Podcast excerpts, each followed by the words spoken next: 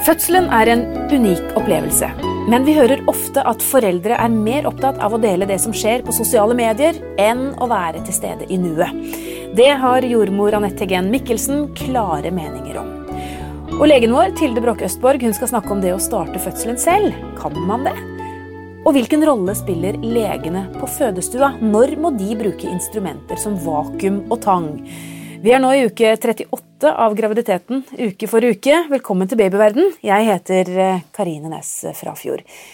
Tilde, vi tar en titt inn i magen i denne uken også. Uke 38. Der ligger det en flott baby. Det gjør det. Gjennomsnittlig 3,2 kilo nå, men som sagt store variasjoner. Mm -hmm. Uh, og det er ikke så veldig mye nytt sånn sett. Den er, uh, ligger der og vokser og modner. Vokser den i lengden også, eller? Lite grann, men først og fremst, i, først og fremst med, med, fett og muskulatur. Så nå er det rett og slett bare modning og voksing. Hva er gjennomsnittskilo uh, antall når barnet fødes? Er det rundt 3,5, eller? 3,7. 3,7, ja. Mm, litt større gutter og litt mindre jenter. Akkurat. Og det skal være greit å presse ut? det skal det. Her er det, det er noe kulturelle variasjoner der også, altså. Eller ikke kulturelle, men, men, etniske forskjeller der også. Men i, i, all hovedsak så er det det som man regner er eh, normal vekt hvis mor er eh, adekvat ernært. Akkurat. Så vi har litt igjen på denne babyen som er i magen nå. Vi har det. Mm, I hvert fall gjennomsnittlig. Det er viktig å understreke. da. Mm. Tilde vi skulle snakke om dette med å starte fødselen selv. Altså Hvis man går og venter på disse riene som ikke kommer, eller vannet som ikke går, og begynner å bli litt sånn utålmodig nå i uke 38, eh, er det noe man kan gjøre? Ja, jeg syns kanskje uke 38 er litt tidlig å bli utålmodig, da, ettersom man er faktisk ikke til termin. Jeg kan forstå at folk er tunge og leie, men, men det, er, eh, det store flertallet har jo ikke kommet i gang enda, og det er normalt. Ehm, når det gjelder det å sette i gang fødselen selv, så finnes det utrolig mye eh, myter og, og kjerringråd. Um, hadde noen av de virkelig virket, så tror jeg nok kanskje de hadde vært integrert i, i fødselsomsorgen. Men vi er nok borti mange som prøver med sterk mat og løping i trapper og fysisk aktivitet og samleie og forskjellig. Men det kan ikke dokumenteres, er det det du prøver å si? Nei, eh, jeg vet ikke om det er gjort noen eh, gode studier på sterk mat, altså, men jeg har ikke vært borti at det har eh, vært noe At noen har fortalt at, de, at det var det som virket. Nei, for På Babyverdens forum så har jeg sett opptil flere oppskrifter på fødepizza. For eksempel, med chili og andre gode, sterke saker på. Så det er pizza som ja, må inn i fødselsomsorgen? også? Ja, muligens det. ja. Nei, jeg har, nok ikke, har nok ikke veldig tro på det. Men, og heller ikke på veldig hard fysisk aktivitet. Det som er gjort av studier på eh, samleie, eh, har ikke vist effekt. Det er ikke noe skadelig. Ehm, teorien bak det er at, eh, at mannens sæd inneholder litt av noe som heter prostaglandiner, en, et hormon som, som, kan sette i gang fødsel. Men eh, hvis man, man, gjorde en studie som jeg syns var litt søt, da, eh, hvor man eh, fortalte en gruppe på noen hundre kvinner at halvparten skulle gå hjem og ha samleie, og halvparten skulle la det være. Og da var det ingen effekt eller ingen forskjell i gruppene. Så neppe skadelig, men ikke noen tydelig vist effekt. Nei, Så man må vente til kroppen er klar selv? Man må vente til kroppen er klar, og i hvert fall i uke 38 så må man smøre seg med noe tålmodighet. Så kan man heller spare pizzaen til uke 40? ja. Det som eh, man kan si, og som, som, eh, som man vet har effekt, er at kvinner som er, har et overtid i svangerskapet, altså når vi er over i uke 41-42 så eh, finnes det en prosedyre som på norsk kalles stripping og tøying. Um, som jeg kanskje skulle ønske hadde et annet navn, for det høres ut som man skal kle av seg alle klærne. Det skal man altså ikke, men uh, man kan tøye livmorhalsen. altså Jordmor eller lege kan tøye livmorhalsen og løsne litt på fosterhinnene i et overtidig svangerskap. Og det setter i gang fødselen hos noen. Hvordan gjør de det? Rent fysisk med hendene? Fingrene? Eller? Ja. Det er det det høres ut som? De tøyer med fingrene? Tøyer livmorhalsen med fingrene, ja. Og det skal virke? Ja, det virker. Eh, der har man faktisk studier som viser at på overtidige svangerskap så har det en effekt på et sted mellom 10 og 15% av kvinnene. Vi skal snakke mer om overtid, men ikke før vi er på overtid. Vi er jo ikke der helt ennå. Ja. Men la oss snakke litt mer om fødsel. fordi det er jo sånn at uh, Tradisjonelt hvert fall, så er det jordmødrene som har kontrollen på, på fødestua, og som følger deg i, i, fødsel. Men noen ganger så må også legene komme inn. Hvilke tilfeller er det? Mm.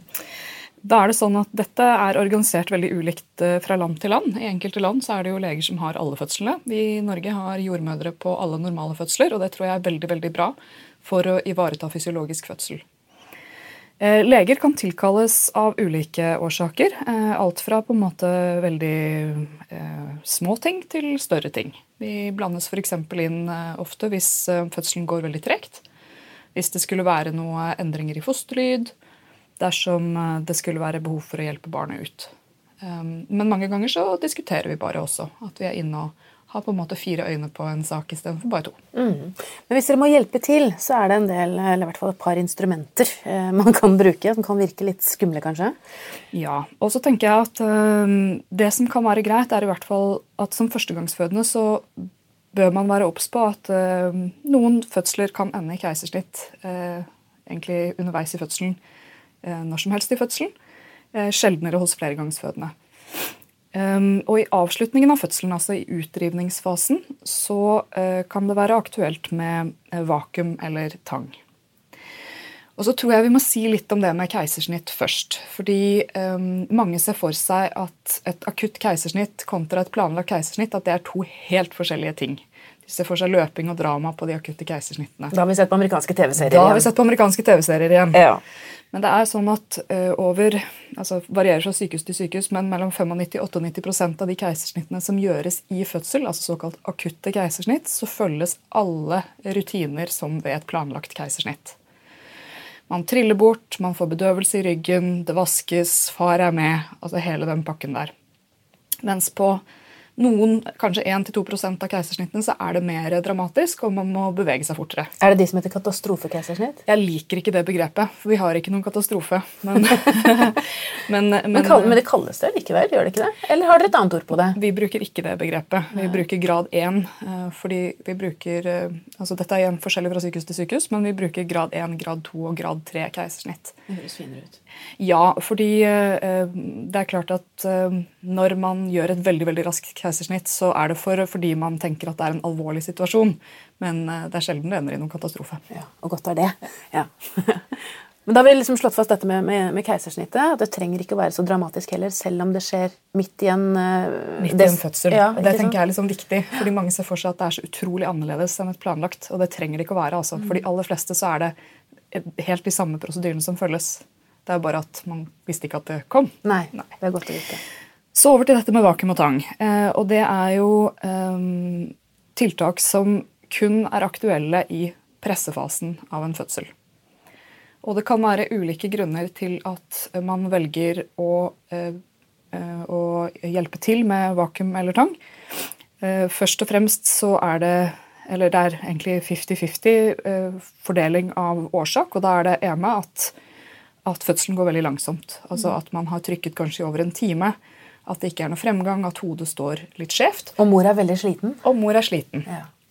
Um, og det er sånn at bekkenet og hodet til barnet er veldig fininnstilt i størrelse. Så det skal ikke så veldig, nødvendigvis så veldig mye til av feil rotasjon eller at babyen ikke har bøyd hodet så mye som den skulle, for at dette blir mye, mye tyngre. Mm.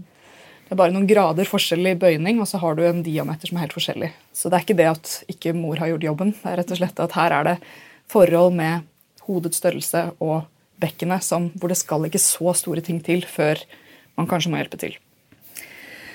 Eh, den andre årsaken til at man kan eh, tenke at man skal hjelpe til, det er endringer i fosterlyd. Eh, utdrivningsfasen er den fasen hvor det er størst risiko for påvirkning av fosterlyden. Er barnet stressa? Ja, altså Det som er litt av utfordringen med det, er at vi har ikke kjempegode metoder for å måle fosterstress. Vi overvåker fosterlyd, gjerne med, altså enten med lytting eller CTG eller noe sånt. Og veldig mange barn har endring i fosterlyden i utdrivningsfasen, men akkurat hvilke som er stresset av det, det kan vi ikke nødvendigvis si. Så der gjør vi nok noe mer Vi er nok mer føre var for å sørge for at de barna vi får ut, er spreke. Men så er det eh, ordet tang. Får jeg litt sånn rare bilder i hodet av. Hvis barnet skal da forløses med tang, da ser jeg for meg Snekker Andersen nærmest. Som, for det Andersen, ja, hva, hva, hvordan gjør dere det? Ja. Eh, jeg tenkte jeg skulle snakke litt om vakuum først, hvis okay. det er greit. ja fordi det er mest utbredt. Det er forskjeller fra sykehus til sykehus i hva man foretrekker å bruke. Noen bruker mer tang, noen bruker mer vakuum. Um, vakuum er en sugekopp som festes på hodet til babyen. Den kan være laget av metall eller den kan være laget av gummi. Og så er man avhengig av at mor trykker med. Og Da trekker man nedenfra, mens mor trykker ovenfra, og så får man barnet ut i fellesskap. Det høres vondt ut. For barnet er det det. Altså, for det får noe på hodet sitt, ikke sant? Eh, barna kan ha litt hodepine etterpå, eh, og, men eh, i utgangspunktet så tenker man at det er bedre enn å ikke komme ut. Men, eh, men ja, eh, jeg festet en gang en sånn vakuumkopp på låret. Ikke noe godt. Nei. Så det er ikke noe godt for barna, det er det ikke. Men det er ikke farlig. Har det noe å si for hodeformen etterpå? Ja, veldig godt at du spør. Eh, alle barn som er født med hjelp av vakuum, eh, vil ha en sånn kalott. En hevelse på hodet i etterkant av fødselen. Og det ser eh, ofte skremmende ut for foreldrene, men dette er normalt, og det blir, borte, det blir betydelig mindre i løpet av noen timer, og det blir borte i løpet av noen dager. Ja, Så man, man blir ikke sånn resten av livet? Nei, man blir ikke sånn resten av livet. I så fall så hadde vi hatt en stor del av befolkningen som alltid gikk med lue.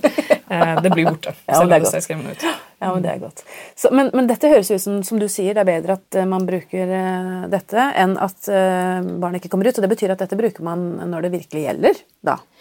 Altså, eh, som sagt, eh, i, i Norge så har vi en oppad begrensning av trykketid på ca. en time. Eh, det er nok en god del barn som ville ha blitt født i det neste kvarteret 20 minuttene hvis vi hadde fortsatt å trykke, men der har man gjort en avveining som er sånn at da er det flere barn som vil være stressa eller dårlige når de kommer. Så um, altså det kan være alt mulig. Det kan være alt fra, fra at det på en måte bare går tregt, til at fosterlyden viser tydelige tegn til stress. Så man trenger ikke å bli redd for at det er noe alvorlig galt.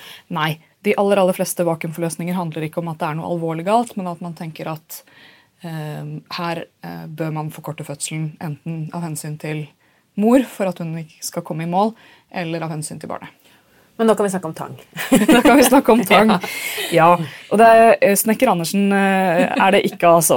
Mange ser liksom for seg for seg eller sånn rørleggeraktig. Men en, en tang er et, eh, et instrument som, som legges på en måte som et litt sånn bur rundt hodet til barnet for å skånsomt hjelpe det, hjelpe det ut. Eh, Det, er ikke, det klemmes ikke sammen som en tang. Det er rett og slett en eh, hvis du, Det blir feil å kalle det en pølseklype, altså, men det har på en måte en, det har en åpning eh, i midten som, som har plass til barnets hode. Så det er ikke sånn at man klemmer til rundt barnets hode. Man trekker på en måte langs barnets hode. Ja, akkurat. Og, og drar da barnet forsiktig ut, da, eller? Ja, da drar man barna forsiktig ut. Eh, Fordelen med tang kontra vakuum det er at man eh, er ikke avhengig av mors rier. Altså Man kan jobbe uavhengig av mors rier. Så hvis mor har en risvekkelse og at barnet må ut raskt, så, så er det, kan det være greiere med tang. Um, ulempen med tang er at uh, i store materialer internasjonalt så viser det noe større uh, risiko for rifter hos mor enn vakuum. Og på den andre siden så kan du si at eh, vakuum lager denne hevelsen på hodet til barnet. Um, og så er det noe økt risiko for at man ikke lykkes kontra en tang. Men um, i internasjonale studier mindre skader på mor. Da har vi fått en god og en grundig forklaring på tang og vakuum. Takk skal du ha, Tilde, faste legen vår altså. Eh, Dette høres ikke ut som noe man har lyst til å dele på sosiale medier for meg, eh, men det er faktisk sånn, tro det eller ei, at eh, veldig mange velger å dele det som skjer på fødestua i sosiale medier. Dette har jordmor Anette Hegen Mikkelsen klare meninger om, og det skal vi høre etter pausen.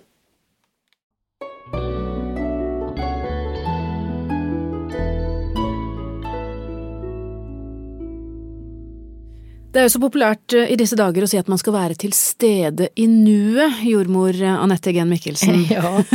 og spesielt, tenker jeg, eh, når man føder, så gjør man jo ikke det så mange ganger i løpet av livet. Nei. Så akkurat det er kanskje greit å få med seg også sånn mentalt. Men så er det jo da denne lille saken som alltid er med oss, mm. mobiltelefonen, Mm. med en åpning ut til verden. Mm. og jeg har jo lest mye og hørt mye om jordmødre som river seg i håret og setter opp plakater eh, på fødestuene om at her bør man kanskje skru av telefonen. Ja, altså jeg tror det er forskjellig fra sykehus til sykehus eh, hvordan man velger å gjøre dette her. Men det man må tenke på som foreldre, det er at en fødsel er en veldig privat og intim begivenhet. Og noe som man opplever med all den inderligheten det er i en fødsel, som man bare opplever få ganger i livet. Og da bør man kanskje ta inn over seg selve opplevelsen på en annen måte enn det man vanligvis gjør i hverdagen. Men opplever du at mange For det tar jo tid, det kan jo dra ut dette her. Ja. At mange Ja. eh, sjekker Insta og Instagram og, og Facebook og sånt, eller? eh? Ja, innledningsvis i en fødsel så ser jeg vel både noen ganger at både mor og far, eller de kommende paret da, eh, partnerne seg imellom, kan eh, ta et eh, titt på, på telefonen sin, for å si det sånn. Eh, og det skal jeg vel ikke være for streng på at det ikke går an å gjøre det, men så syns jeg jo at man bør lokke seg inn i føderommet, om det er hjemme eller på sykehuset, lokke seg inn og være i sin private boble når eh, barnet som man ønsker seg vanligvis, eh, kommer til verden.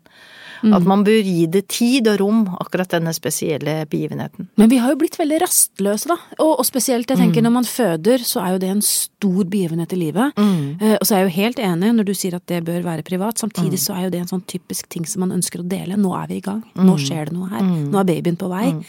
Men det som er, det er at man tenker kanskje at akkurat en fødsel, den er litt spesiell. Den kan lett forstyrres. Og en fødsel blir forstyrret av at man har oppmerksomheten sin et annet sted. Altså det virker faktisk inn på mammaens hormoner at hun har fokus et annet sted enn akkurat på det som skjer i det kroppslige. Eller som skjer kroppslig.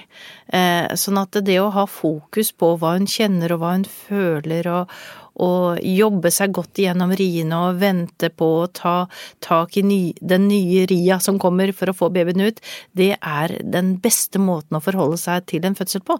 Den blir mer effektiv, øh, fødselen altså, og den, øh, den gir mer i livet hvis man har fokus.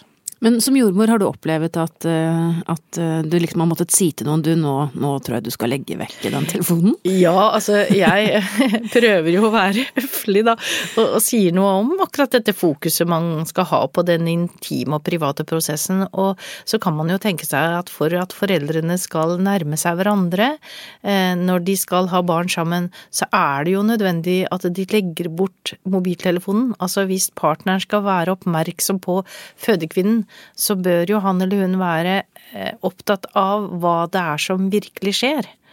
Så um, jeg prøver i det lengste å anmode på en pen måte, men jeg har nok noen ganger vært litt streng. Var du streng? Ja, kan jeg ikke en se for meg. Ja. Men jeg, jeg tenker jo at én ting er kvinnen da, som skal føde, og etter hvert så blir jo dette vondt, ikke sant. Og man Ja. konsentrerer seg jo, man har kanskje ikke noe valg, da er telefonen kanskje man ikke tenker på det hele tatt. Men så har du partneren da, som sitter ved siden av og føler at dette blir litt langdrygt. Mm, og det gjør det jo. ja, ikke sant. Litt sånn fristende Ja. kanskje for partner å ta opp eh, telefonen. Ja. Ja, altså det er jo klart det at hvis eh, den som skal føde ligger og småslumrer og har fått eh, noe smertestillende og eh, småsover, så kan det jo være fristende å ta en titt på telefonen, men kanskje man rett og slett skal tenke at da skal man hvile litt sjøl også som partner. Altså at man gir eh, seg mulighet til å oppleve dette veldig spesielle som et barn fødsels er, med en inderlighet og en innlevelse som man ikke er vant til å gjøre. Men tror du det har noe med at vi er blitt for lite flinke til å konsentrere oss? Mm. Og være til stede? Jeg ser bare når man sitter på bussen ikke sant, og har liksom ti minutter til overs, så er det opp med telefonen. Mm. Ja, Sitter folk litt- snakker jo ikke med hverandre på toget eller bussen. Nei, og, og, men også gjerne på fødestua. At, at det, det er så mye tid. Mm. At, vi, at vi blir rastløse også der. Ja, og så tenker jo jeg da, men nå er jo jeg en eh, forholdsvis voksen dame, så tenker jeg at vi trenger å lære oss å være i langsomhet. Og en fødsel er en langsom prosess. Og det skal den også være, for det trengs tid for at et barn skal eh, være klar til å komme ut i verden. Altså det er ikke alle prosesser som er eh, best hvis de er raske. Og en fødsel er eh, egentlig best hvis den er sånn halvrask.